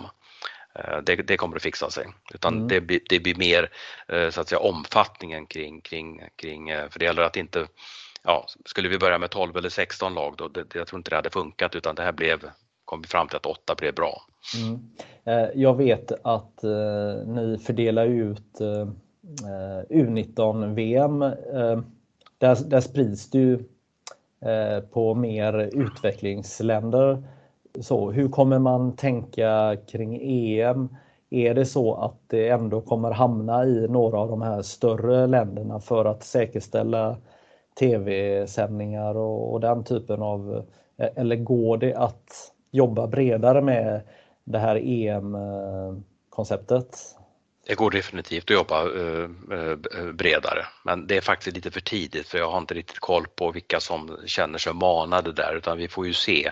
Och det är mm. satt ett ganska kort datum också för att jag menar, nu ska vi se, september 2025, det är faktiskt min, det, det är tre år kvar. Så att, eh, men det, min, min bild är att om du ändå tittar på dem, eh, de åtta länderna så, så, så, har ju alla de åtta länderna eh, mer eller mindre haft eh, i vart fall har de ju haft U19 och, och, många har haft dessutom kval till VM och är bra arrangörer så att på volymen så sett. Sen är ju naturligtvis ett EM med åtta lag Eh, större att arrangera men alla de åtta har ju mer eller mindre som är då sportsligt eh, kvalificerade har ju, har ju redan haft den typen av evenemang så att jag, jag ser med tillförsikt fram att vi kommer att få en bra utveckling och då kommer det bli en bra organisatorisk utveckling också i de länderna. Mm. Ehm, och de kan liksom, jag menar, ja, hade det varit i någon av de större, större nationerna i, i, nu kanske de inte sportsligt sett kvalificerar sig, men om vi tittar efter 2025 utan vi tittar liksom 2026, 27, 28, 29 och 30. Då hoppas jag att ett EM går i Tyskland, Spanien, Italien av, av mängd andra skäl. För mm. de, de, de är ju de stora länderna och där det finns potential. Det är inte vi här uppe, men vi är det på ett annat sätt i de nordiska länderna. Ja, eh, och då pratar de om att eh, det ska ligga ungefär i september då, eh, varje år. Då. Det är så det är tänkt. Alltså förslaget som har gått ut nu det är ju, det är ju internationella veckoslutet i, i september och vi börjar 2025, vi börjar med åtta lag och att organisatören respektive de sju då i det här fallet från tidigare VM är, är, är är kvalificerade. Men det finns en öppning också. Man måste ju börja någonstans. Så att, eh, jag tror personligen att efter ett tag så kommer det där öka, kanske, eh, öka då från 8 till 12 länder. Mm. Eh, förra säsongen så, så måste du ha du måste ha skruvat på någon eh, riktig turkula där med evenemangen där för att vi hade ju något som hette covid som mm. spökade lite men ni lyckades genomföra otroligt många VM-turneringar på kort tid mm. på något sätt. Men det som var väldigt intressant och det kanske egentligen bara ja, det är väl inte enbart jag, men jag har i alla fall uppmärksammat det lite som ändå var lite historiskt med eh, VM i Finland för ett år sedan. Det var ju det att eh, arrangörerna tog ju betalt på riktigt för eh, finalbiljetterna. Och det var ju lite historiskt och lite spännande och kanske också efterlängtat att man mm. faktiskt fick betala för att alltså marknadsmässigt pris om man, om man nu tänker vad en konsertbiljett kostar eh, på Friends Arena eller Ullevi eller vad det nu kan vara. Så, så, så tog arrangörerna betalt. Nej men alltså jag säger så här. eh, Finland är ju extremt bra på, på att organisera eh, innebandy-events. Nu är inte de eh, en, enbart de bra men men eh, Sverige, eh, Finland är jättebra. De är liksom också kan tänka, kan tänka nytt. Och du kan ju också faktiskt dra där Magnus en parallell till eh, ja, när var det vi hade hockey-VM i Sverige och Finland? Var det 2012 och 13 eller 13 och 14? Eh, jag kommer inte ihåg men skitsamma. Eh, där var det ju en slutsats att eh, finsk ishockey gjorde ju en jättevinst och svensk ishockey gjorde en jätteförlust. Och man hade också, och det var exakt samma förutsättningar. Jag kommer inte ihåg om finalen gick i Sverige eller Finland, men, men, men man hade exakt samma förutsättningar och där tror jag återigen, vi måste lära av varandra. Eh, så att eh, det, det, är ju, det är ju helt rätt eh, att, att vi måste börja ta betalt för, för produkten. För här är det liksom inte allmänhetens åkning utan här är det ju faktiskt VM. Eh, men alla Magnus håller ju inte med om det. Eh, alla håller ju naturligtvis inte med om det och alla håller inte med om att eh, att man när man har spelat färdigt i turneringen så måste man köpa sina biljetter för då räcker inte akkrediteringen. Men, och det är ju en balansgång och jag tycker ändå vi har hittat en ganska bra balansgång just på den frågan eh, idag. Men, men förståelsen brukar öka väldigt, väldigt mycket när man sen själv sitter där och skall arrangera och man inser att det är inte att bara åka över på, på, på ett VM-kval och um, inte få allt serverat för man får ju oftast pröjsa precis allting men när man då helt plötsligt ska fixa bussar och entréer och biljettförsäljning och ja, du förstår poängen. Mm, ja, nej men jag tycker ju att det är självklart att man kan eh, betala 800-900 kronor för en eh, VM-finalbiljett om man också tänker på att den kanske spelas, det är en, ett VM var tionde år och då mm. är den investeringen inte så eh, stor, eh, tänker jag. Det är klart att man ska ha respekt eh, för att saker kostar pengar och att alla inte har råd, men då kanske inte alla har råd. Men sen tycker jag eh, att det är hål i huvudet om, om man faktiskt spelar i turneringen, att man inte kan Eh, sitta någonstans på, på, på, på läktaren. Så det, den kritiken eh, tycker jag är befogad att, eh, att framförallt om du då också har åkt från långt och betalt ditt VM-deltagande själv. Så där, där, där hoppas jag att, att det blir bättre för de som vill stanna kvar. Då. Men vad vad annars är det som är... Eh, det spelades ett v, eller eh, en eh, World Games i USA eh, som var historiskt eh, på många sätt eh, för svensk del att spela landskamper i USA. Jag har väl inte riktigt trillat av stolen om jag ska vara helt ärlig så under och efter den här turneringen? Nej, du får ju i så fall ställa följdfrågor om jag, om jag inte förstår det rätt. Men, men, nej, men du har ju en poäng att uh, World Games är ju, uh, om vi börjar med fördelarna, så World Games är jätteviktigt för våran uh, internationella utveckling. Då är den viktig, om den är viktig för internationell utveckling så är den viktig för alla länder, det vill säga att vi finns på mer multisport-event och jag vill säga direkt att USA Floorball och, eh, och organisatörerna gjorde ju ett kanonjobb för jag menar innebandyn är inte känd i, i USA i en jättestor utsträckning. Det blir bättre och de gör ett bra jobb men den är definitivt inte jättekänd i Birmingham, Alabama i den delstaten. Men så att jag blev positivt överraskad att vi ändå hade faktiskt eh, tämligen bra publiksiffror.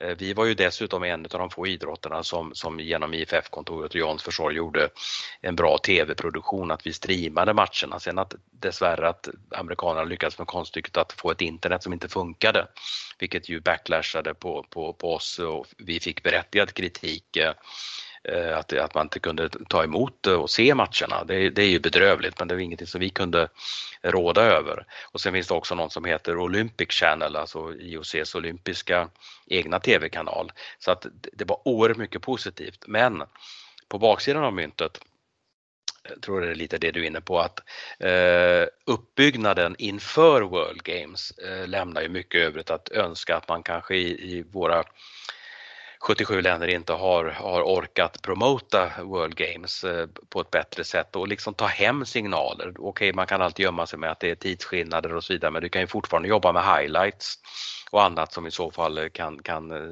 komma ut i media i Sverige och i, i de större innebandynationerna och så att den delen, och det var det du menade, så, så, så jag tror du kan fråga många, många i de tio största innebandynationerna, de vet nog faktiskt knappt vad World Games är. Jag hoppas, att inte, jag hoppas att det inte är så men, men det måste vi ju jobba vidare med. Och nästa event går ju dessutom i Kina 2025 i Chengdu. Så det är ju samma typ av utmaning för både internationell eh, sida att, att vi är ju inte jättestarka i Kina. Men, men det är viktigt att vi är med på de här multisporteventen. Och den, den känslan har jag stort förstå, för, känner jag att de flesta länder ändå, inne, våra innebandynationer känner en stor förståelse för. Mm. Ja, men vad jag, min, eh, min, äh, äh, några av mina tankar är ju så här lite att äh, när vi väl får chansen så är det ju bra om vi, om vi hjälps åt och tar chansen här. Jag säger inte att IFF ska lösa alla, alla saker utan här krävs det ju att alla Eh, landsförbund jobba tillsammans här. Och jag känner att eh, den här turneringen i USA slarvar bort lite. Och jag, jag tycker självklart att eh, svensk innebandy och finsk innebandy de ska ju, de ska ju bussa ner mediapersoner från, alltså svensk innebandy skulle se till att all viktig media var på plats i, i USA och för att förmedla att vi är i USA och spelar. Och samma sak skulle tjeckisk eh, innebandy göra och finsk innebandy. Så att vi på något sätt bygger också sporten här hemma också. Att vi tar sådana här historiska beslut.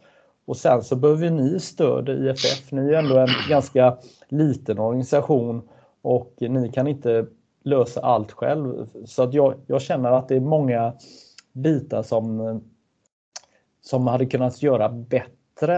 Eh, så. Eh, jag vet eh, fortfarande om att Sverige vann hockey-VM-guld 62 eller vad det nu är. Jag har fortfarande en minnesbild när man ser de här gamla farbröderna mm. gå med cowboyhattar och med, med bucklan på, på vet du, flygplanet. Jag har inte sett en enda bild. Jag säger inte att att de svenska spelarna ska ha en cowboyhatt. Men jag har inte sett en enda amerikansk flagga. Jag har inte sett någonting som eh, bygger någon form av myt att, att, mm. att Sverige har vunnit en, en turnering i USA. Och det är ingen kritik eh, riktad mot någon eh, specifik eh, organisation eller så utan det finns så mycket mer vi skulle kunna göra för att eh, förmedla en positiv bild av eh, av innebandyn, tänker jag. Nej, men det finns ju en mängd ursäkter jag ska inte ta de ursäkterna men om vi tittar på när vi hade det i Wrocław i Polen 2017 blev ju det då. Eh, så, så eh, det är klart vi har haft covid så att jag får väl ha lite ursäkter då men, men eh, då hade vi ju, då hade vi ju möten mellan topp 10 länderna eh, åren före. Eh, och jag tror att vi måste ta ett omtag därför att, eh, nej men jag håller med dig, det är ju, om, du, om jag också genomför, vilket jag har gjort och har googlat, så är det ju extremt lite som syns i de eh, fyra större nationerna. Ehm, så att eh, så, att så är det. Eh, men däremot så är det ju som så att, och där har, kan, måste vi lära av de andra nationerna för att Ser man då exempelvis, tar man Lettland som var på World Games som dessutom fick en jättebra start i turneringen med, var det 4-4 i, i, i, i öppningsmatchen där mot, mot Sverige. De har ju ett helt annat koncept för då då är också deras eh, motsvarighet till Riksidrottsförbundet och deras eh, motsvarighet till Olympiska kommittén inblandad och tar ett övergripande ansvar och skickar Eh, Eh, en tjänsteman från eh, Riksidrottsförbundets kansli motsvarande och en, en politiker från styrelsen och någon som är kameraperson och, och håller ihop det där lite grann. Så att, så att eh, det, det, finns en mängd saker som vi kan lära av hur de andra nationerna gör på multisportevent. Så att, nej men du, feedbacken är, du skulle kunna varit mycket, mycket tuffare i feedbacken. Det finns extremt mycket som vi kan, kan utveckla där. Jag har samma känsla av att då blir det liksom ett skott i, i, i rymden här istället för att det blir ett stort fyrverkeri som fortsätter mellan eventsen också. Ja, nej men jag, jag, jag kanske kommer tycka till mer eh, i ämnet eh, framöver här. Eh, för, för att vi får inte glömma av att, att nu har vi blivit, alltså innebandyn har gått in i en fas där där många förbund har blivit precis som som det är runt om i, i, i, i Sverige. Att det, det, finns en massa kommunikatörer som ska mm. förmedla information och nu så styr kommunikatörerna väldigt mycket och det blir ju ganska märkligt när då exempelvis Sverige och Lettland eh, spelar en match och, och, det som kommuniceras hem det är att, att försvarsspelet fungerade bra och att eh, ja, andra femman var, var duktiga. Mm. Alltså man, man, man, man hårdrar inte någonting och, och förklarar hur historiskt det här var att Lettland nästan höll på att besegra Sverige och eh, man frågasatte inte någonting resultatet eller, eller gjorde det intressant utan man slätar över det på något sätt att, att eh, nu, nu nu, nu, ser vi allt positivt, vilket man också kan göra, men, men, men det blir ju ingen det blir ju ingen spänning i, i eh, bevakningen. Det blir ju inget... Eh, för det är ju det alla mm. skulle behöva veta. Va? Spelade Sverige och Lettland oavgjort en innebandymatch? Eh, hur är det mm. möjligt? Hur gick det till? Eller för den delen då att, att vi faktiskt har varit och, och, och, spelat då och då hade det varit jättetrevligt om Sveriges Television hade varit på plats med någon tv-kamera och, och gjort lite reportage mitt under sommaren. För det här är också en, en, en, ett problem för, för innebandyn både nationellt och internationellt att, att efter eh, SM-finaler och de här andra finalerna så är det ganska tyst i ett, ett halvår eh, i, i riksmedia så, så att eh, Mm. det, är där, det är därför Magnus att vi, vi försöker ju så att säga från IFFs sida försöker vi ju ta eh, vårt ansvar att se till så att generellt sett, nu pratar jag inte bara World Games utan alla våra evenemang där vi är inblandade att se till så att alla matcherna är verkligen streamade. Vi försöker nu ha en egen plattform. Vi, vi, vi utökar antalet länder som hämtar hem signalerna. Vi jobbar bra tillsammans med de olika eh, tv-bolagen. Vi, vi, försöker lägga, vi försöker producera så mycket content själva. Eh, men, men, men du har helt rätt, det är klart att om det produceras och det inte används så att det behöver ju inte vara att alla behöver ha folk på plats utan då kan man ju nyttja det vi producerar på IFF och man kan ha ett samarbete med, med andra, som du säger, kommunikatörer som är på plats. Men du måste ju ha den grundinställningen att du vill vill eh, lyfta fram det. Och jag, jag, mm. håller med dig att det är klart att man ska lyfta fram en sån match som 4-4. Sen är inte jag personen att avgöra varför det blev 4-4 i den matchen och det är inte mitt jobb heller. Men, men det är ju mycket lättare att man, ja vad är det värsta vi har haft? Det är väl 61 0 var det inte det? Mot, ja. Var inte det damkval? Ja, jo, vi har haft några sådana ja. hemska... Ja, och då, då, blir det ju så därför att nu ska man inte jämföra sig med andra idrotter men de andra, många av de andra idrotterna har ju det på exakt samma sätt. Jag menar, tittar du på handboll och ishockey, det är ju inga, inga världsidrotter. Eh, men, men, men svensken eller svensken kommer ju definitivt med de exemplen och säga det att det är en världsidrott. Eh, men det är det ju faktiskt inte. Det är inte, det är inte hockey är väl typ bara sju länder som är riktigt stora och, och, och handboll har också tämligen stora, eh, stora siffror. Men, men, men jag tror man ska lära av hur då de här andra idrotterna också gör. För de lyfter ju fram exakt det du säger. De lyfter ju fram enskilda resultat, de lyfter ju fram allt annat som är positivt och så jobbar man med utvecklingsfrågorna parallellt.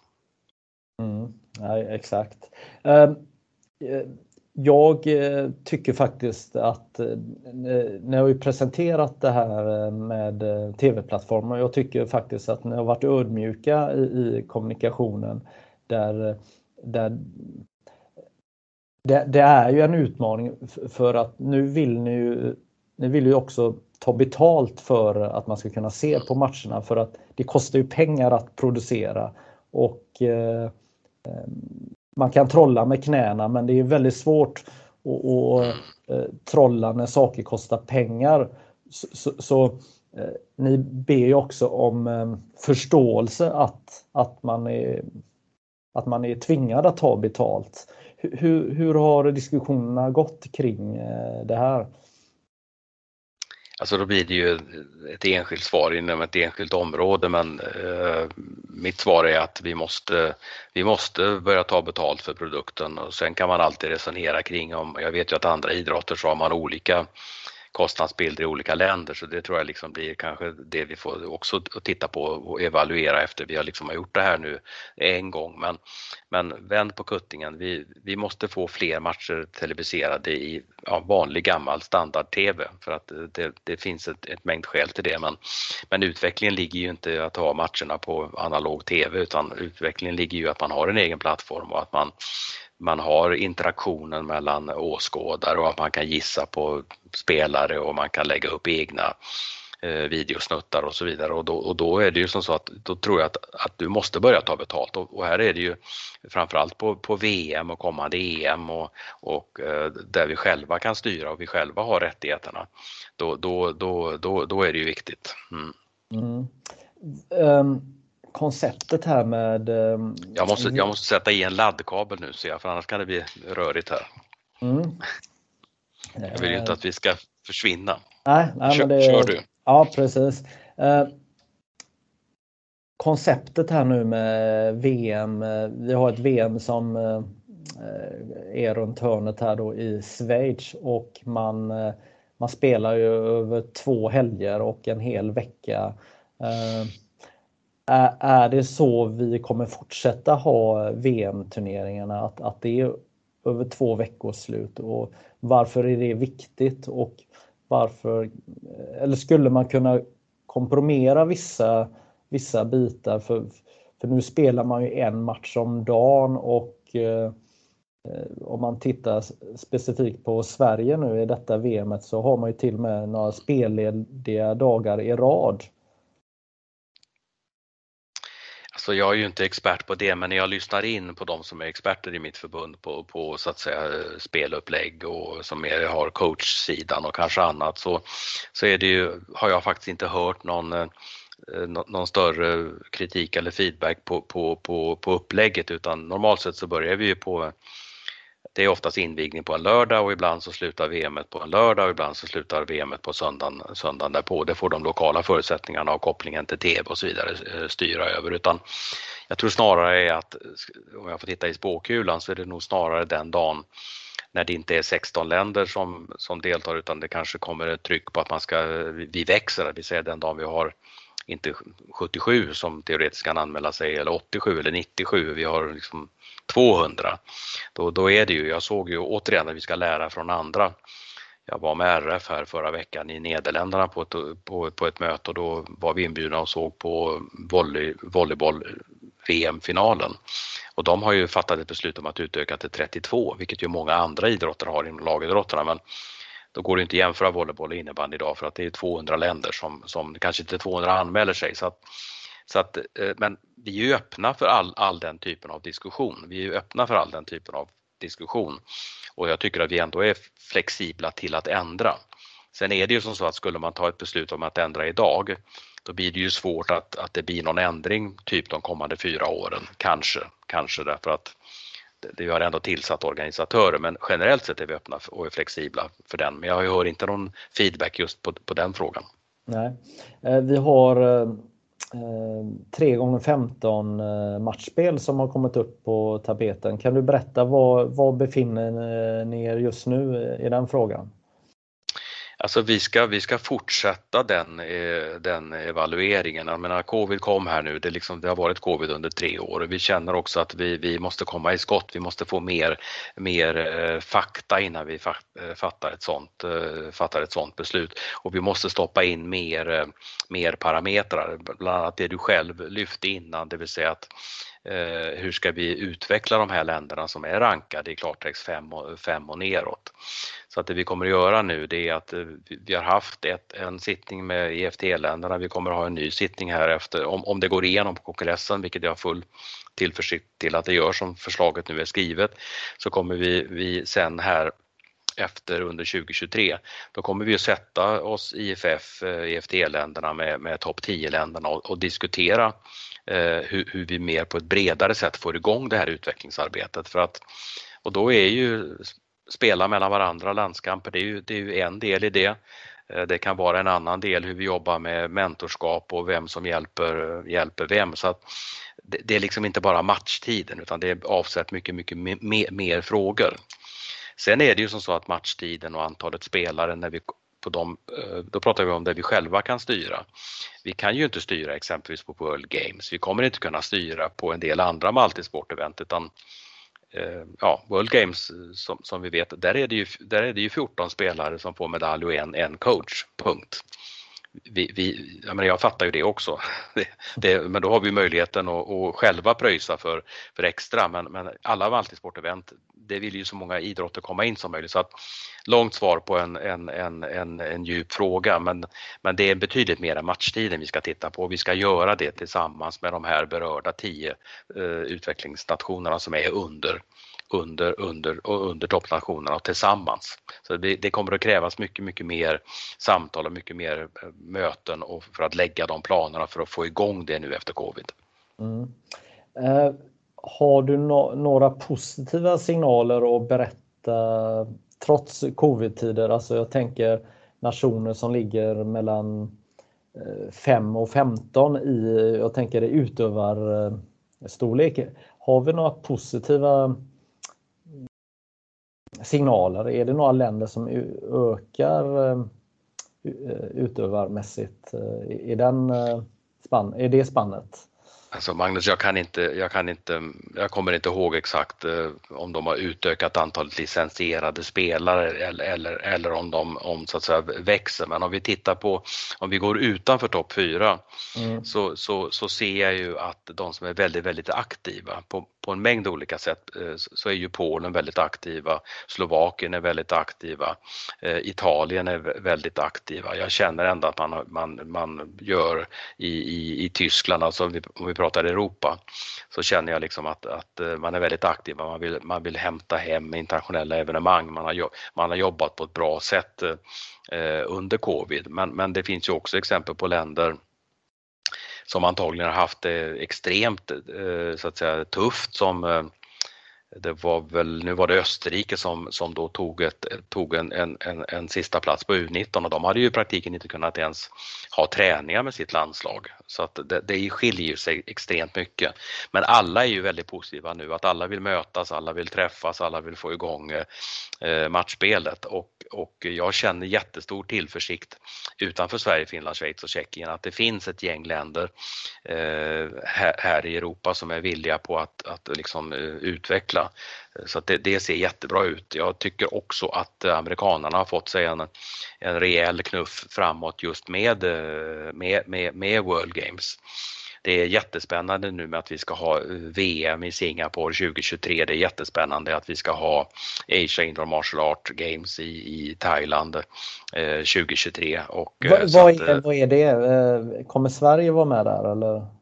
Nej, nej, nej, det är Asia. Det är de 45, ja, ja. Asiat, det är de 45 asiatiska länderna. Mm. Det är ungefär som Eurogames i ja, Europa. mm. så är det Continental Games. Så att eh, det finns, det, det, är oerhört, det finns oerhört mycket positivt och, och spännande och min bild är att vi generellt sett växer.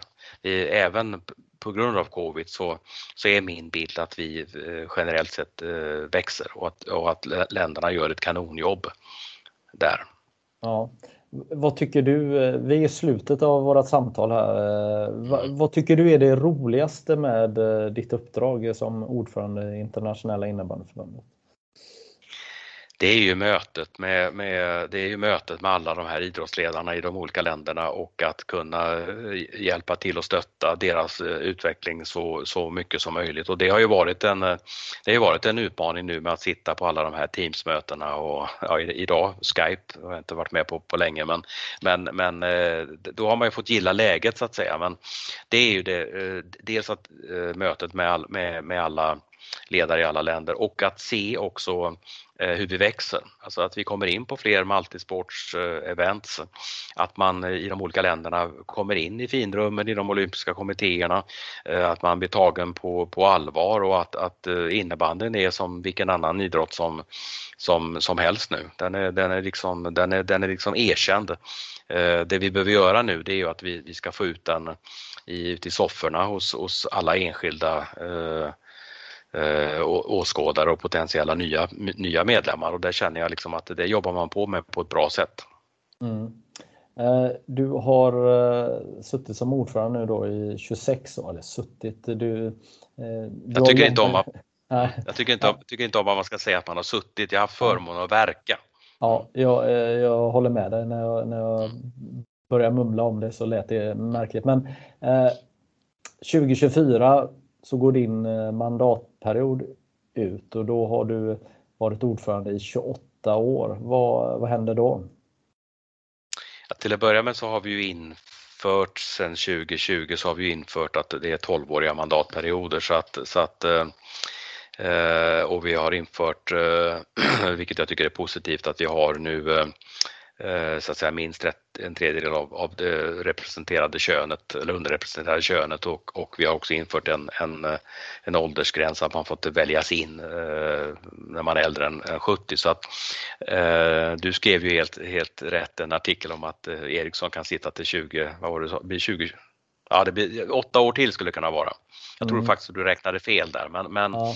Men, men oavsett, eh, nej men eh, det får tiden utvisa. Det, det, är för tidigt och det vore liksom fel men det är klart att på något sätt så så, så, ehm, så ehm, eh, men, men så länge jag trivs och så länge jag framförallt känner att jag får stöd från nationerna så, så, så tror jag inte att åld, alltså antalet år är inte gränssättande. Men det är klart att vi har ju infört 12 år av, av, av, av good governance skäl och annat så att Eh, svaret är att det blir inte mer än åtta ytterligare år i alla fall. Nej, men jag, Nej. jag, jag, tänker att eh, det, det, här uppdraget att, att vara ordförande och jobba med internationella frågor eh, det kräver ju också eh, en viss typ av erfarenhet och, och det, är, det är ingen enkel position att, mm. att, att ha och eh, genom de här åren så har du byggt på dig mycket kunskap som är nödvändig på något sätt. Att, att den dagen om någon kommer utifrån och, och bara hoppar in i, i, den här form av cirkusen eller vad man nu ska kalla det. Det, det, det är ingen enkel position att, eh, att uh, ta över. Mm. Nej, men ska jag vara lite osvensk då och vara lite mer sydeuropé eller utanför Europa så, så så, så är ju en av mina styrkor är ju att jag håller ihop eh, familjen. Eh, och det är ju inte det enklaste. Jag menar med 77 länder och eh, olika språk, olika kulturer, olika eh, åsikter om hur man ska leda styrelsearbete, olika åsikter hur man ska leda kongresser, olika åsikter. Eh, och helt naturligt att, att det är på det viset. Det tycker jag är en av mina eh, absoluta styrkor. Sen har jag ju har jag lärt känna, jag kan ju, en annan styrka som jag har också det är att jag kan ju hur idrotten är uppbyggd, inte bara i Sverige och i Norden och Europa och världen. Jag vet ju vilka minfält som man eh, inte ska eh, ge sig in på så att det tar ju tid. Eh, men det finns också många som, som, som både i, som, som, som har byggt på sig samma typ av kunskap. Men det sagt så, så är det ju ingen nackdel att man ibland får in att det, att det är någon som, jag menar jag brukar dra la, eh, ungefär som i ett lagidrotten. Eh, alla kan inte vara som jag som ska fylla 60 nästa år och eh, komma från samma kultur men missförstå mig rätt nu, men alla kan inte heller bara komma från Athletes Commission och kanske vara 20 år.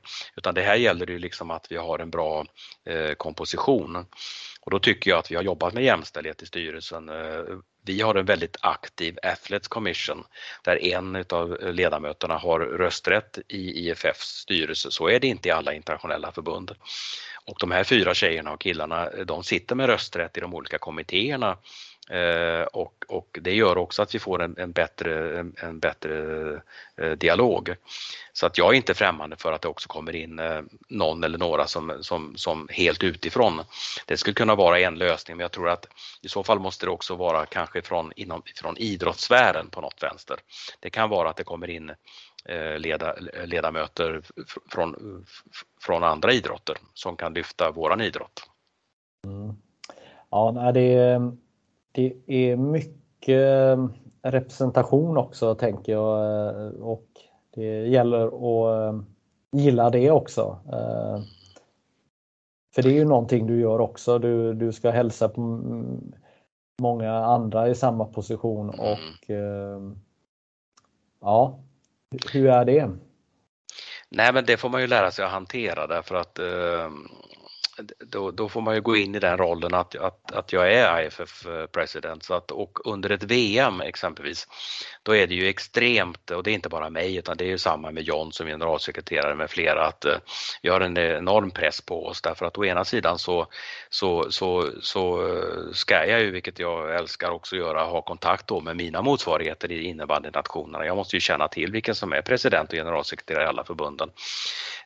Och sen så måste vi också som typ på VM nu så bjuder vi in IOC Sports Department. Det kommer från andra internationella förbund och, och det är ju jätteviktigt att träffa dem så att representationen är ju inte att stå och äta mat i VIP-buffén.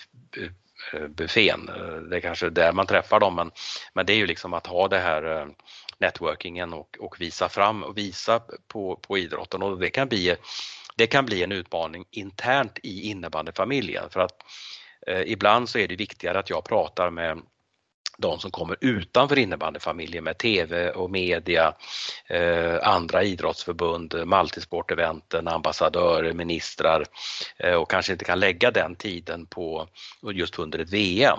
Det får jag göra på associations meeting eller när vi har kongress eller när vi träffar de topp 10 länderna för att prata internationell utveckling. Men det gäller att ha den balansgången. Men om vi säger så här, jag brukar vara fullständigt slut i huvudet, eh, alltså på ett positivt, på ett skönt sätt. När, när VM-finalen är gått och när man kommer upp på hotellrummet så brukar det inte vara något större problem att somna. Men då somnar man med ett leende på läpparna.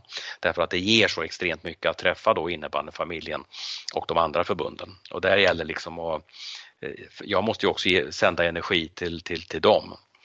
Men där tror jag jag har en av mina styrkor, att jag, jag, jag kan rörelsen, jag kan eh, känner de flesta människorna och, och eh, jag har hållit ihop det här, eh, den här familjen under, under många år.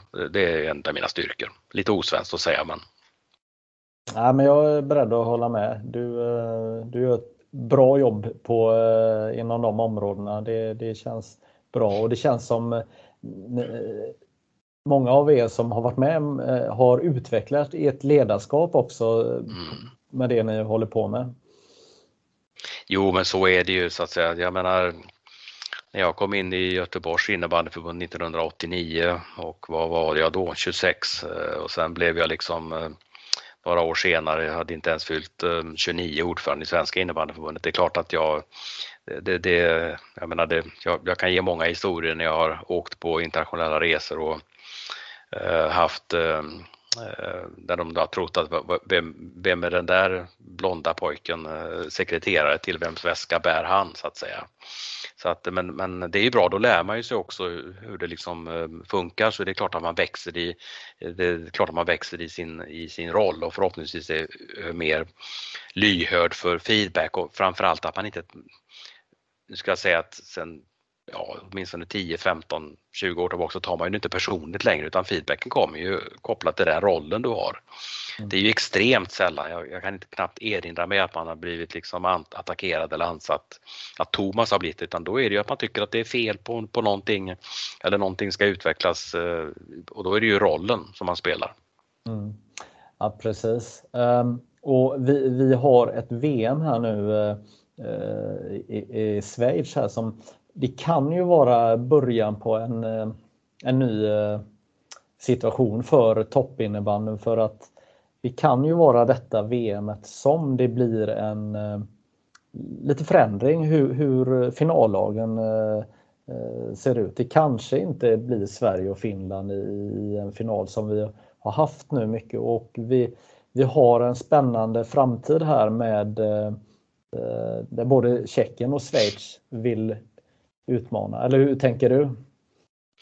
Nej men så är det ju definitivt. Jag menar, tar du Tjeckien exempelvis så har vi ju sett det, de är ju världsmästare på U19 två gånger om och, och jag har inte exakt koll men jag ser ju att det är många av de spelarna som nu är ordinarie i, i landslaget som kanske för fyra år sedan spelade U, U19. Men framförallt beror det ju på att man har utvecklat idrotten och har en sån fantastiskt bred och fin bas. Eh, så att den, den är ju, sen är det ju som du säger, sen har du ju de här topp top fyra länderna men jag ser ju att det kommer oerhört positivt eh, underifrån också. Jag menar i enskilda matcher så, så, så förefaller ju Lettland vara, vara, vara ett sånt eh, lag. Jag menar 4-4 är ju ändå 4-4 mot Sverige och det finns ju fler exempel att, att ta. Mm. Men det beror ju på att man, har, man gör sin hemläxa. Man åker ju inte på ett VM vartannat år utan man, man liksom utvecklar ju sig och, bygger, bygger organisationen från, från, från botten. Och man tar hem, och det är därför jag säger att Polen, Lettland, eh, Italien med flera är bra exempel ur det perspektivet. Sen kanske alla inte är bra exempel på att de kan gå vidare till en, till en semi men, och slå ut någon av de topplagen men, men eh, det tar tid. Mm. Men det finns många positiva tecken. Ja, eh, Kanon eh, Thomas. Jag är lite besviken här. Jag skulle få in mm. det här med domarbiten. Jag vill ju få fram att du hade domarnummer 21 och Jan-Inge Forsberg hade domarnummer 19 när jag blev domare för 31 år sedan. Och då mm. skulle min fråga vara till dig, vilket nummer hade jag då? Som, eh, ja, alltså jag, det, ja, det, är bättre att, det är bättre att be om ursäkt från början att jag, jag, jag är så dålig på det. Nej, ehm. vad, vad, jag ville komma till var mm. att, att jag då som nyanställd på Göteborgs innebandyförbund kunde välja nummer själv. Ah, och, och, och, eh, då valde jag givetvis nummer 20 då. Så jag var ah. mellan Jan-Inge Forsberg och Thomas Eriksson då. För att det var lite roligt att ligga mellan er eh, i, i den här listan då. Ehm, nu fick jag in det i slutet här. Vad, vad händer eh, idag för dig eh, avslutningsvis? Vad har du på agendan? Uh, idag ska jag sitta och uh, gå igenom alla handlingar till, uh, till, till, till, alla möten under, under VM med IFF. Och sen så är det ju VM då i, i Schweiz, det, det, det, ser jag fram emot och alla, precis, alla möten med, med, med alla de